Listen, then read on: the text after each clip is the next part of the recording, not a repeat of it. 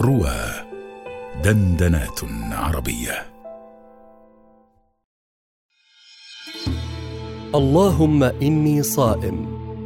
للبروفيسور محمد جمال صقر مع معتز صقر على رواه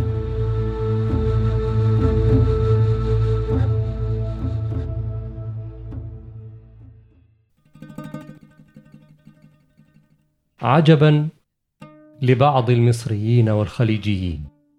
عجبا أي عجب؟ يتنبه هؤلاء ويتقدمون ويتقنون ويتدللون ويتمهل أولئك ويتحرجون ويتعثرون ويتململون. وهل يطمح الأستاذ إلى أكثر من أن يسابقه تلميذه؟ ثمانية عشر عاما. جديرة بأن يكون لك منها تلاميذ كثيرون جدا في أنحاء العالم. فكيف تجد تلاميذك الأوائل الآن؟ منهم الآن نجوم عالميون.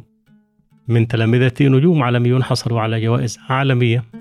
كتلميذتي مثلا جوخ الحارثية التي حصلت على ال- البوكر آه، في الروايات العربية المترجمة إلى الإنجليزية وج- وجائزة- روماني أي- وهي أستاذة جامعية حصلت على الدكتوراه من بريطانيا كذلك.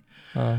والجائزة كبيرة يعني تستحق خمسون ألف جنيه استرليني لكن تقسم بينها وبين المترجم. آه، المترجم. نوجه شكرا هنا- هنا لل- للدكتورة جوخة الحارثي.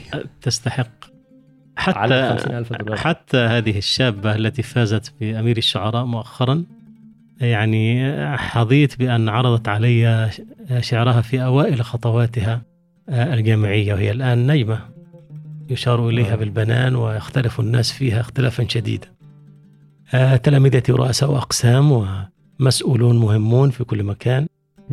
منهم سياسيون ومنهم آه، دون ذلك أو فوق ذلك. لا نصل إلى إلى المعنى ال- ال- البليغ ال- ال- الذي عبرنا عنه بالخلود إلا بتلامذتنا، لكن في هذه العجبيه تنبيه على شيء مهم أزمة. لا داعي إليها. وهي المنافسة بين المصريين والخليجيين. بين المصريين تحديدا والخليجيين. ففي الخمسينيات والستينيات وأوائل السبعينيات كان المصريون أساتذة العالم العربي. و... ولا بأس. لما لا؟ لما لا؟ لما لا يكبر التلميذ ليكون مثل أستاذه أو أو أهم من أستاذه؟ هذه مسيرة طبيعية يعني. يعني لماذا لماذا لماذا يجدون في أنفسهم من هذا والعكس؟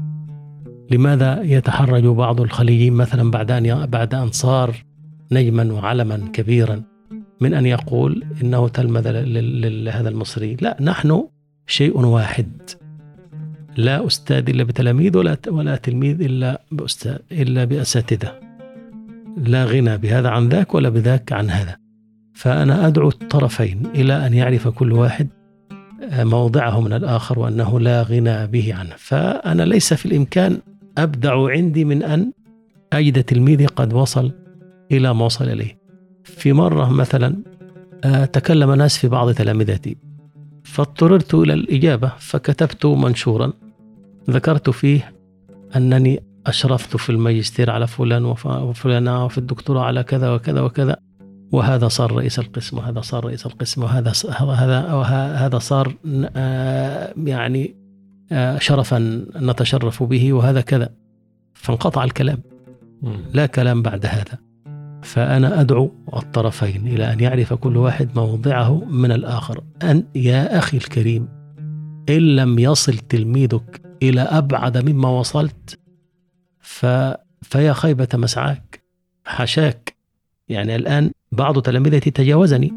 آه وبعض- سمعتك في هذا الخصوص. آه، بعض الأحيان تقول أن كثيرين من تلاميذك الجدد تعرفوا إليك من عرفوا عنك أو سمعوا عنك من تلاميذك القدامى الذين صاروا مشاهير جدا. نعم. وأنا تلميذ أساتذة كثيرين. آه، كنت قديما آه، أجهل يعني كنت يعني كعادة الشباب يعني يأخذهم تأخذهم العصبية. حتى إنهم ربما قالوا تفوهوا بكلمات ما كان ينبغي لهم أن يتفوهوا بها من مثل أن تقول و... وماذا في هذا المكان؟ وهل في هذا المكان علماء؟ أذكر أني تفوهت بمثل هذا على مسمع أستاذي أستاذ الدنيا محمود محمد شاكر فقال لي في, ك... في كل مكان علماء يا أخي في كل مكان علماء. فأدبني بهذا الأدب في اللحظة فتخليت يعني كانت هذه نعرة جاهلية خصلة جاهلية. تبرأت منها وتخلصت منها. فالعلماء في كل مكان وأكثرهم لا تعرف عنهم ولا أعرف عنهم شيئا. كنا مرة في مجلس محمود محمد شاكر وذكر لنا الدكتور محمود طناحي رحمه الله وأستاذنا وعلمائنا جميعا أنه عرض عليه عمل قدمه مصري لا يعرف عنه أحد شيئا. في آه، في في في إعجاز القرآن في أعجمي القرآن. وانبهر الدكتور طناحي بهذا المؤلف الذي لا نعرف عنه شيئا. عرفت عنه فيما بعد أنه كان محاميا بالأمم المتحدة ومترجما. لا علاقة له بالدراسات آه ثم تفرغ.